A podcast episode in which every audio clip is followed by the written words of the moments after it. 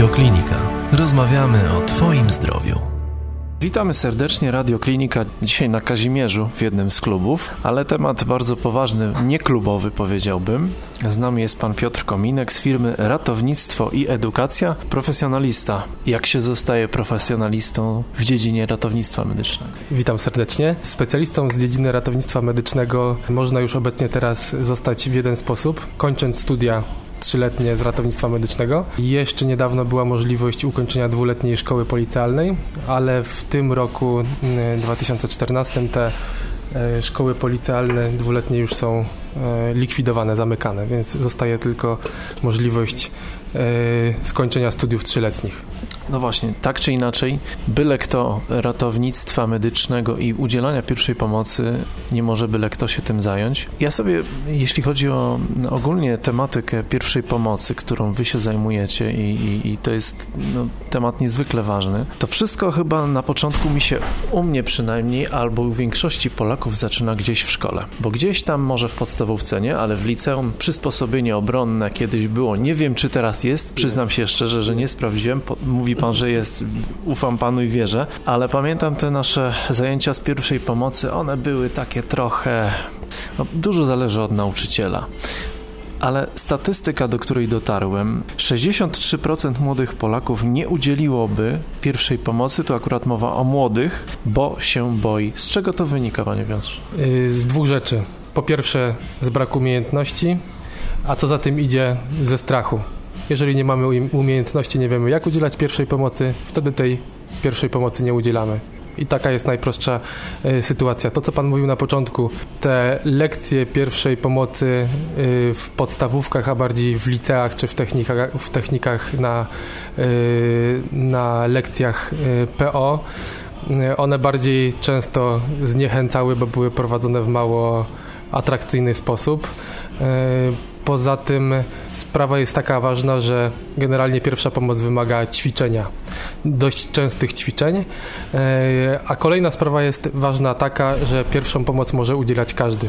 Jeżeli chodzi o ratownictwo e, medyczne już profesjonalne, to może nie każdy się do tego nadaje, ale pierwszej pomocy naprawdę może udzielić każdy. Każdy może udzielić, ale, ale mało kto potrafi. E, jeździcie po firmach, szkolicie ludzi. Jak to wygląda z ich wiedzą na start? Wchodzicie, witacie się i pewnie już na początku robicie coś w rodzaju sondażu, pytacie, e, na ile Państwo wiedzą, może ktoś podniesie rękę. Jaki to jest e, procent z, z danej grupy, która ma pojęcie o tym e, w ogóle, jak pierwszej pomocy udzielić? Trudno mi będzie mówić dokładnie o procentach, ale jest część ludzi, która skończyła szkolenie z pierwszej pomocy, w różny sposób prowadzone. Część osób pamięta pierwszą pomoc właśnie na przykład z liceum, ale później na ćwiczeniach wychodzi że tak naprawdę e, tej pierwszej pomocy udzielać nie umieją, bo były te szkolenia prowadzone dawno albo w sposób, brzydko mówiąc, e, po łebkach.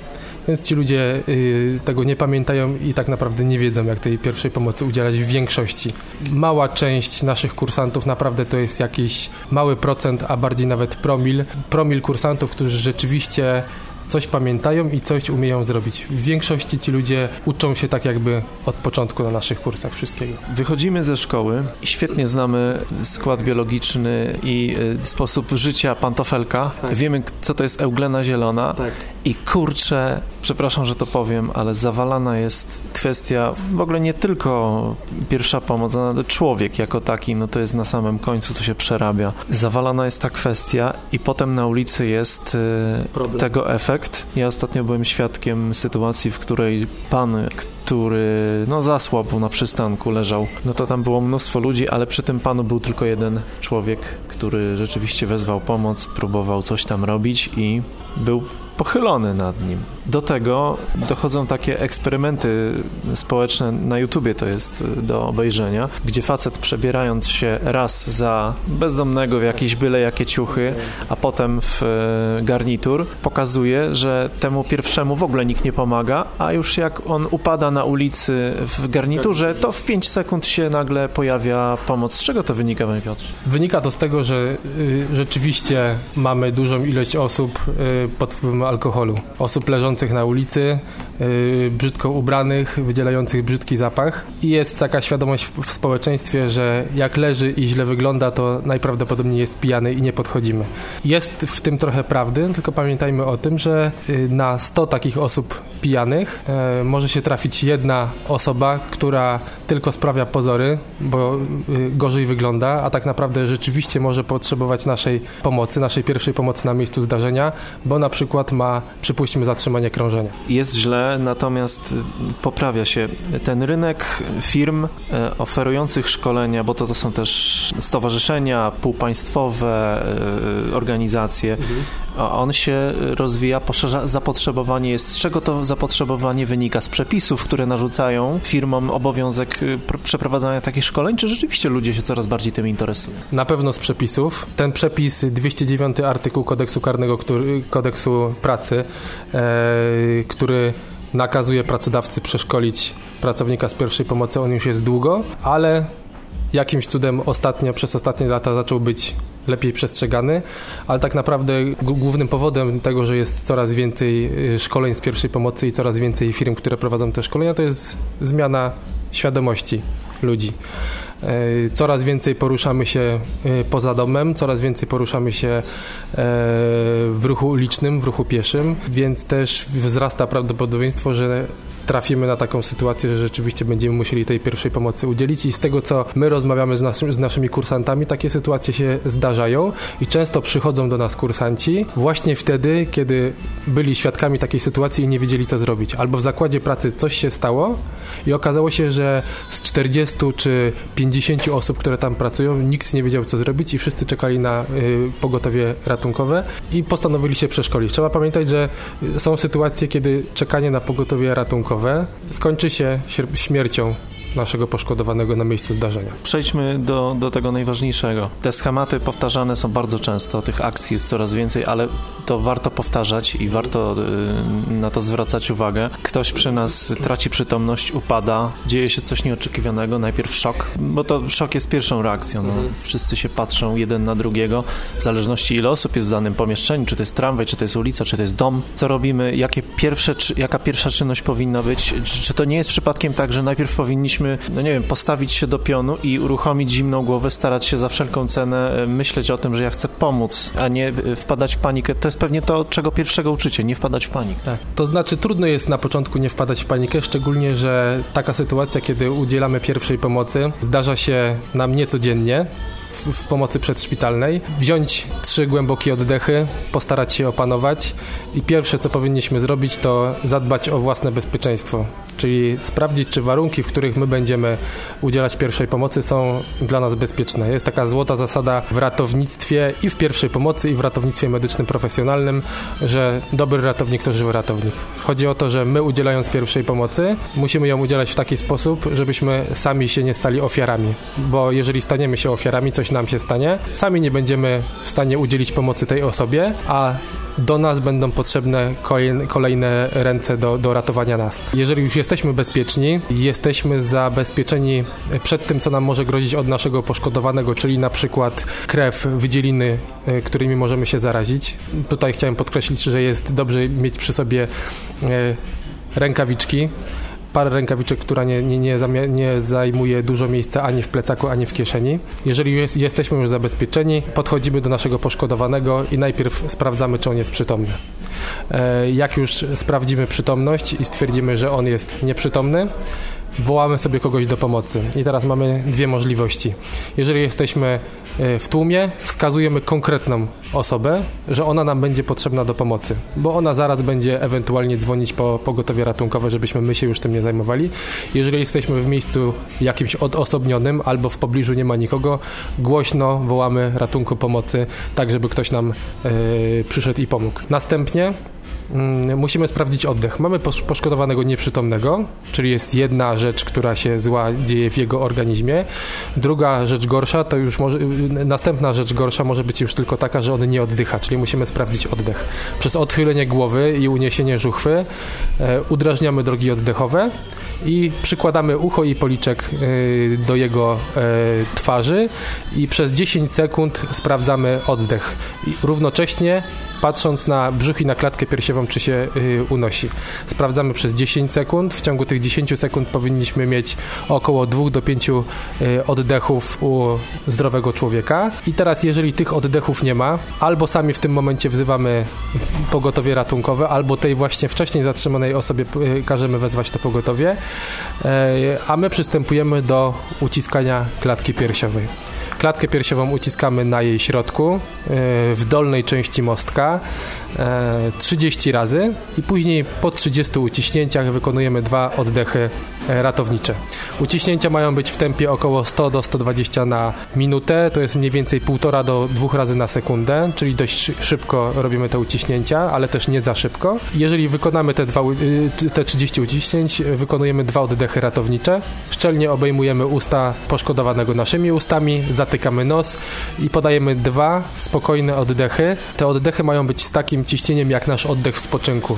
Czyli my nie chcemy y, tego poszkodowanego za bardzo nadmuchać, napompować. Jeżeli będziemy za mocno podawać te oddechy, to napompujemy żołądek. U takich poszkodowanych z zatrzymaniem krążenia najczęściej mm, żołądek jest pełny, wypełniony treścią pokarmową. Jak y, nadmuchamy żołądek, to on się opróżni tą samą stroną razem z y, całą zawartością swoją, więc powoduje nam dodatkową niedrożność e, dróg oddechowych e, i jeszcze różne e, inne komplikacje.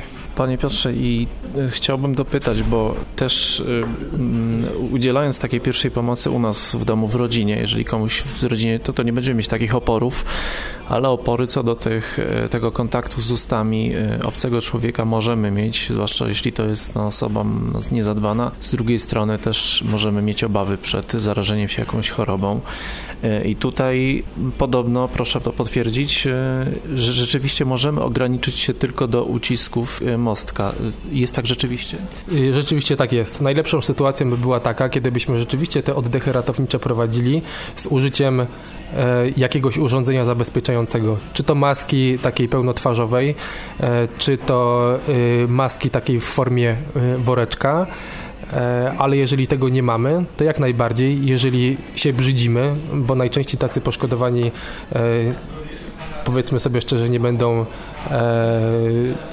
nie będą idealnie czyści, mogą przed zatrzymaniem krążenia zwymiotować, mogą być zaślinieni. Wtedy w takiej sytuacji, kiedy nie chcemy, bo się brzydzimy, albo nie możemy, bo jest to technicznie niewykonalne, możemy nawet musimy tylko uciskać klatkę piersiową. Wtedy y, zwracamy uwagę na to, żeby uciskać klatkę y, w tempie 100 do 120 i nie robimy żadnych przerw wtedy już na y, oddechy tylko cały czas bez przerwy uciskamy klatkę piersiową. Chciałbym zapytać też o ważną kwestię e, dzieci. Co w przypadku, jeżeli to dzieje się naszemu dziecku? Czy tutaj ta procedura inaczej wtedy wygląda?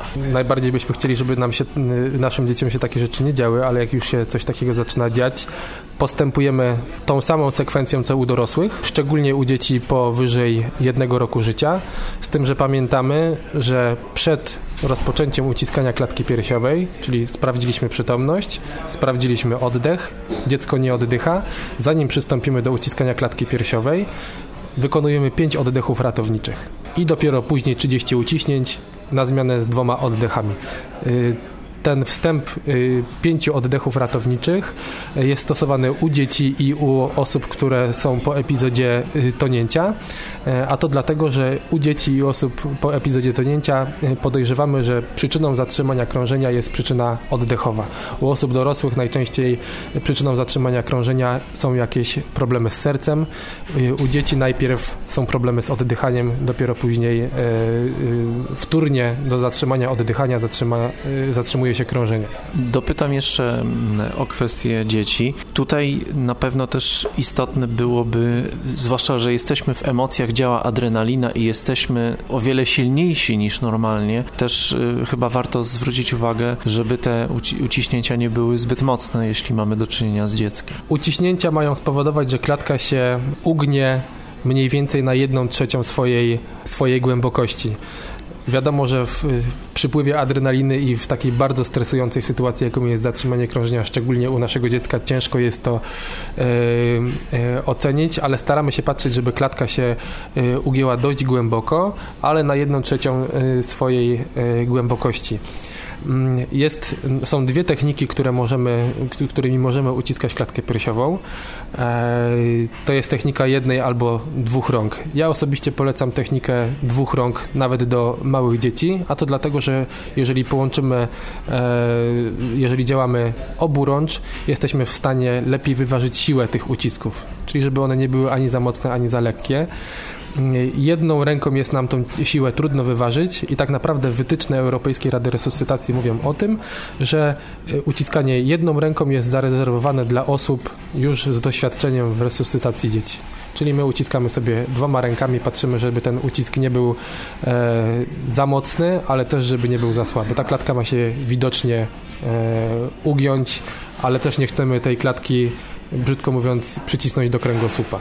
Panie Piotrze, co w przypadku, gdy dziecko co jeśli się zakrztusi, jeżeli się zadławi, y, co wtedy robimy? To jest też taki moment, gdzie reakcja jest, musi być natychmiastowa. Mhm. Dopóki dziecko kaszle, zachęcamy je do tego kaszlu. Człowiek jest tak skonstruowany, że jeżeli coś znajdzie się w, w drogach oddechowych i to dotyczy i dzieci, i dorosłych, jeżeli coś znajdzie się w drogach oddechowych, to ten kaszel y, jest najskuteczniejszym, najbardziej efektywnym sposobem na, na, na usunięcie tego, z, y, tego ciała obcego z dróg oddechowych. E, jeżeli mamy do czynienia z taką sytuacją, e, gdzie już nie jest w stanie kaszleć, bo mamy całkowitą niedrożność dróg oddechowych, czyli to, co znalazło się w drogach oddechowych, całkowicie zatkało mm, drogi oddechowe, czyli nie jesteśmy w stanie nabrać powietrza, żeby e, zakaszleć, musimy zrobić następujące czynności. U dzieci starszych, czyli po wyżej pierwszego roku życia i u E, osób dorosłych. E, wykonujemy uciśnięcia, uderzenia w okolicę międzyłopatkową i pięć takich uderzeń w okolicę międzyłopatkową, a następnie e, uciśnięcia nadbrzusza. I y, do momentu, kiedy to ciało obce nie zostanie usunięte, albo do momentu, kiedy nam nasz poszkodowany straci przytomność. Jeżeli straci przytomność, ostrożnie kładziemy go na płasko na podłodze, na plecach Udrażniamy drogi oddechowe, sprawdzamy oddech. Jeżeli oddechu nie ma, uciskamy klatkę piersiową, czyli postępujemy taką samą sekwencją jak u poszkodowanego z zatrzymaniem krążenia. Wtedy uciśnięcia klatki piersiowej mają na celu nie pobudzenie krążenia, tylko zwiększenie ciśnienia w klatce piersiowej, w drogach oddechowych e, i mechaniczne e, usunięcie ciała obcego. Jakie jeszcze sytuacje, pozostając w temacie dzieci, z jakimi jeszcze sytuacjami poza tymi, o których powiedzieliśmy, możemy mieć do czynienia w przypadku naszego dziecka, w których będzie potrzebna nasza natychmiastowa reakcja? Czy jeszcze któreś by Pan mógł wymienić e, spośród tych, których, o których nie mówiliśmy? Z doświadczenia, z pogotowia wiem, że jedną z najczęstszych sytuacji u dzieci stanowiącą zagrożenie życia to są oparzenia. I szczególnie u dzieci poniżej drugiego roku życia, takich, y, które y, zaczynają chodzić, są ciekawe świata y, i zaczynają w pozycji stojącej ten świat poznawać i zwiedzać. Najczęściej to ma miejsce wtedy, kiedy zostanie ściągnięty garnek z gorącą wodą albo czajnik na, na, na, na siebie przez to dziecko. Jest ono wtedy oparzone od głowy, tak naprawdę do kolan. Cała przednia, czasami nawet tylna powierzchnia ciała Wtedy należy pamiętać o tym, że jak najszybciej wzywamy służby ratownicze i należy pamiętać o tym, żeby to dziecko chłodzić. Rana oparzeniowa jest taką raną, która postępuje w czasie. Jeżeli jej nie zaczniemy chłodzić, to z oparzenia drugiego stopnia y, zaraz nam się zrobi oparzenie drugiego stopnia zaawansowane albo oparzenie, drugiego, y, albo oparzenie trzeciego stopnia, więc tę ranę trzeba chłodzić chłodną wodą, y, najlepiej w temperaturze y, pokojowej. E, druga teoria mówi, że chłodzimy tą ranę, te rany oparzeniowe e, wodą, która ma temperaturę 15 stopni przed, przez 15 minut. Należy pamiętać, żeby ta e, woda, którą chłodzimy, nie była ani bardzo zimna, ani lodowata. Powoduje to postępowanie, e, bardzo szybkie postępowanie e, hipotermii e, u naszego poszkodowanego i to u dzieci i u dorosłych, a dodatkowo jeszcze uniemożliwia odbieranie ciepła przez krew, która opływa rany oparzeniowe, bo oprócz tego, że my chłodzimy z zewnątrz tą ranę oparzeniową, to jeszcze krew przepływająca przez naczynia krwionośne dookoła tej rany, ona działa jak chłodnica w samochodzie, czyli przepływa przez, przez naczynia krwionośne koło rany i odbiera to ciepło. Więc pamiętamy, że chłodzimy chłodną wodą, nie zimną, nigdy nie przykładamy lodu na oparzenia, bo to tylko tak naprawdę pogłębi wbrew pozorom to oparzenie. Jeżeli mamy dzieci w domu w takim wieku właśnie e, e, roku, dwóch lat, mm, dobrze jest zaopatrzyć się w opatrunki hydrożelowe. To jest taka opatrunek w formie gąbki nasączony żelem wodnym o wysokiej pojemności cieplnej, czyli bardzo dobrze odbiera ciepło. Dodatkowo tam jest, jest jeszcze dodany do tego wszystkiego mm, najczęściej olejek z drzewa herbacianego, który oprócz tego, że ma ładny zapach, to jeszcze y, dobrze łagodzi ból. I teraz y, taki żel, taki hydrożel y, kładziemy na miejsce oparzenia i on nam odbiera ciepło z rany oparzeniowej, ale też w jakimś stopniu zapobiega wychłodzeniu się organizmu. Skóra u człowieka ma między innymi funkcję termoregula termoregulacyjną, czyli zapobiega, żebyśmy, zapobiega temu, żebyśmy się ani nie przegrzali, ani za bardzo nie wychłodzili. Oparzona skóra, szczególnie u dzieci, traci y, możliwości termoregulacyjne, czyli to dziecko, mimo że jest oparzone czymś gorącym, najczęściej jest to woda, to ono bardzo szybko traci ciepło i dochodzi do hipotermii i dalszego pogarszania się stanu y, tego naszego małego pacjenta. Zapytam jeszcze o inną rzecz, mianowicie coś wpada do oka naszemu dziecku. To też przy tej takim eksploracji, odkrywaniu, gdzie ono chodzi, często się tak zdarza, że no coś do oka wpadnie, zaczyna trzeć. E, co wtedy robić? Tutaj pewnie no nie zaleca pan na własną rękę wyjmowania, tylko raczej e, powinien tym zająć się lekarz przychodni. Lekarz przychodni, a najlepiej okulista dobrze jest sprawdzić, co to w tym oku się y, znalazło u naszego dziecka. Y, można spróbować y, przemyć wodą, ale jeżeli jest coś do tego oka wbite, jakieś, jakieś ciało obce, to na pewno tego nie, wy, nie, nie wyciągamy na własną rękę, tylko udajemy się do, do okulisty. E, w Krakowie i w Małopolsce mamy problem z dostępnością e, okulistów, szczególnie po godzinie 18 i e, w weekendy ale na własną rękę czegoś takiego bym nie, nie radził wyciągać. Jak zabezpieczyć takie dziecko? Najlepiej zasłonić oboje oczu. Jeżeli zasłonimy jedno oko, e, drugie oko też się porusza i będzie automatycznie powodowało, że, że to oko zasłonięte i tak się będzie poruszać, jeżeli będziemy drugim patrzeć. E, jeżeli zasłonimy oba oczy, te oczy tak jakby się uspokajają i zapobiegają dalszym e, ewentualnym urazom przez to ciało obce, które jest do oka wbite. Ale na pewno na własną rękę tego nie wyciągamy. Co, y, panie Piotrze, jeżeli to też wydaje mi się, że jest częsta sprawa, nasze dziecko pałknie coś, klocek, zabawkę i oczywiście mówimy tu o sytuacji, kiedy to już jest, yy, znajduje się w żołądku, a nie yy, dziecko się nie, tym, tym nie, nie, nie, zaczyna krztusić i gdzieś to tutaj nie, nie zostaje w przewodzie pokarmowym. Co wtedy robimy? No to to jest taka sytuacja chyba wydaje mi się też kłopotliwa. Kłopotliwa sytuacja i kolejna y, sytuacja, w której tak naprawdę nic nie zrobimy.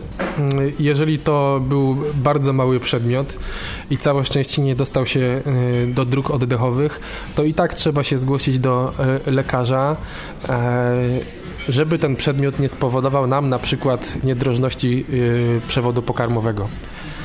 Na pewno jest wymagana, jeżeli nie ma żadnych ostrych objawów, czyli jakiegoś bólu brzucha twardego brzucha, problemów e, z, oddawania, z, z oddawaniem stolca przez to dziecko, e, na pewno wymagana jest obserwacja co się będzie dalej działo.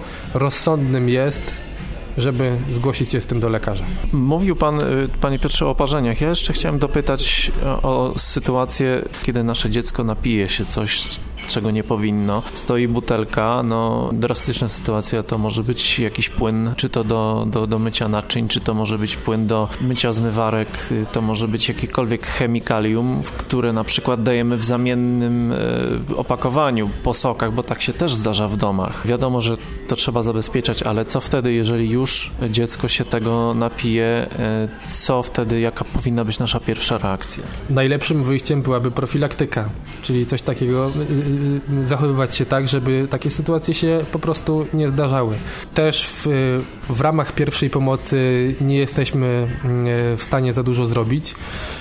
Też najlepszym wyjściem jest wezwanie pogotowia ratunkowego, e, szczególnie jeżeli to był silny detergent. Dużym problemem są te preparaty w granulkach do przetykania e, zlewów, bo to jest e, bardzo silnie żrąca substancja i nawet niewielka ilość przyjęta do ustnie przez dziecko powoduje naprawdę straszne obrażenia jamy ustnej i przewodu pokarmowego. Także czym szybsze przewiezienie do y, szpitala, y, czym szybszy przyjazd y, pogotowia na miejsce zdarzenia i zabezpieczenie y, tego dziecka, łącznie z zabezpieczeniem już przyrządowym dróg oddechowych, no jest to najlepsze wyjście tak naprawdę. Y, dobrze jest pamiętać, żeby y, w takich sytuacjach nie dawać nic do picia, a dlaczego? Dlatego, że ta substancja się rozcieńcza i zaczyna się jeszcze lepiej wchłaniać y, do organizmu, szczególnie jeżeli to są y, y, granulki jeżeli to jest preparat w granulkach. Wtedy nie dajemy na pewno nic do picia. Możemy w pierwszej chwili spróbować jak najwięcej tej substancji usunąć ostrożnie z ust dziecka. Pamiętamy, że otwierając usta dziecka i jeżeli tam nic nie widzimy, nie grzebimy palcem na, na ślepo, bo możemy tą jamę ustną uszkodzić. Usuwamy tylko to, co widzimy, czyli elementy widoczne y, usuwamy i tak naprawdę to nie dawać nic do picia i szybkie wezwanie y, pogotowia ratunkowego to będzie najlepsze postępowanie na miejscu zdarzenia. Ostatnie pytanie na temat dzieci. Oczywiście to te, te nasze pierwsze reakcje, one często są akurat w tym przypadku, który, o których chcę zapytać, są, są prawidłowe. Mam na myśli y, zadrapania, skręcenia, złamania, urazy, y, jakieś rany u naszych dzieci. Czy tutaj wskazałby Pan może takie y, zachowania, których powinniśmy unikać? Czy tutaj możemy popełnić jakiś, jakiś błąd, czy zwykle ludzie dobrze reagują w takiej sytuacji, kiedy się coś dziecku dzieje? Zwykle ludzie reagują tak, e, że pozostawiają dziecko e, w pozycji takiej, e, w jakiej je zastali. Jest to w jakimś stopniu dobre wyjście, bo generalnie teraz podejście w pierwszej pomocy do urazów jest takie, że jeżeli mamy w jakiś sposób tą kończynę zdeformowaną, to my jej nie próbujemy e, przywrócić do kształtu pierwotnego, do kształtu zdrowej kończyny. E, I też jeżeli to sprawia duży ból naszemu poszkodowanemu, szczególnie jeżeli to jest mały poszkodowany, e, to nie próbujemy na siłę unieruchamiać czyli nie zakładamy jakichś prowizorycznych y, szyn e, z desek, z kijków, e, z parasoli, e, jeżeli to naszemu poszkodowanemu sprawia silny ból. Wzywamy pogotowie i pogotowie ratunkowe będzie unieruchamiało po podaniu leków przeciwbólowych. Jeżeli czujemy się na siłach, i jesteśmy w stanie założyć unieruchomienie tak, żeby nie powodować silnego bólu u tego poszkodowanego, to jak najbardziej można takie prowizoryczne unieruchomienie e, założyć. Jeżeli nam się uda to unieruchomienie założyć, to na pewno sprawimy dużą ulgę poszkodowanemu, bo samo unieruchomienie dobrze działa przeciwbólowo. Co obligatoryjnie, obowiązkowo powinniśmy mieć w domu, w każdej takiej naszej apteczce e, domowej? O czym nie można zapomnieć? Co by Pan tutaj zalecał? Bo często mamy leki od bólu głowy, mamy leki na biegunkę, a zapominamy o tych ważniejszych sprawach. Generalnie w pierwszej pomocy to nie powinniśmy w ogóle mówić o lekach, bo leki są zarezerwowane y, dla medyków. Czyli oficjalnie nie powinienem mówić, że jakiekolwiek leki powinniśmy e, mieć czy używać w pierwszej pomocy. E, jeżeli chodzi o dzieci, e, na pewno opatrunki hydrożelowe na oparzenia, bo nie tylko one są skuteczne nie tylko na rozległe oparzenia, ale także wtedy, kiedy dziecko sobie oparzy mm, rączkę czy paluszek, one są bardzo dobre i dużo lepiej, dużo mm, lepiej działają niż chłodzenie wodą. E, u dzieci na pewno leki na biegunkę e, i na pewno leki e, przeciwgorączkowe. Przy lekarstwach trzeba pamiętać o tym, żeby czytać ulotki. Trzeba pamiętać o tym, że jeżeli czegoś nie wiemy na temat danego leku, to go po prostu nie podajemy, albo konsultujemy się z lekarzem, albo pytamy pani w aptece. Nie podajemy leków przeterminowanych.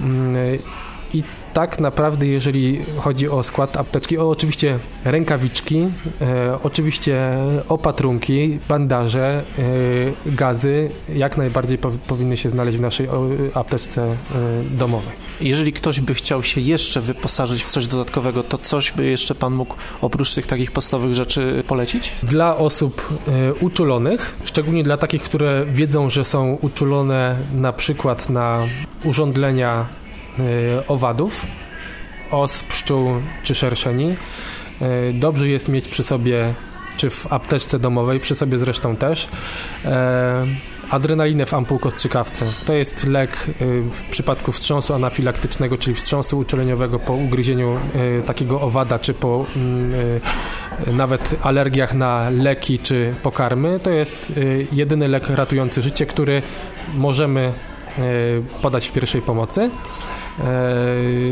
Dobrze jest pamiętać o tym, żeby jeżeli my wiemy, że jesteśmy uczuleni, to żeby cała rodzina o tym też wiedziała i cała rodzina też była przeszkolona w tym, jak ten e, lek podać. I chyba jeżeli chodzi o takie leki ratujące życie w naszej apteczce domowej, to tyle. Bardzo dziękuję Panie Piotrze za poświęcony czas. Dziękuję również. Więcej audycji na stronie radioklinika.pl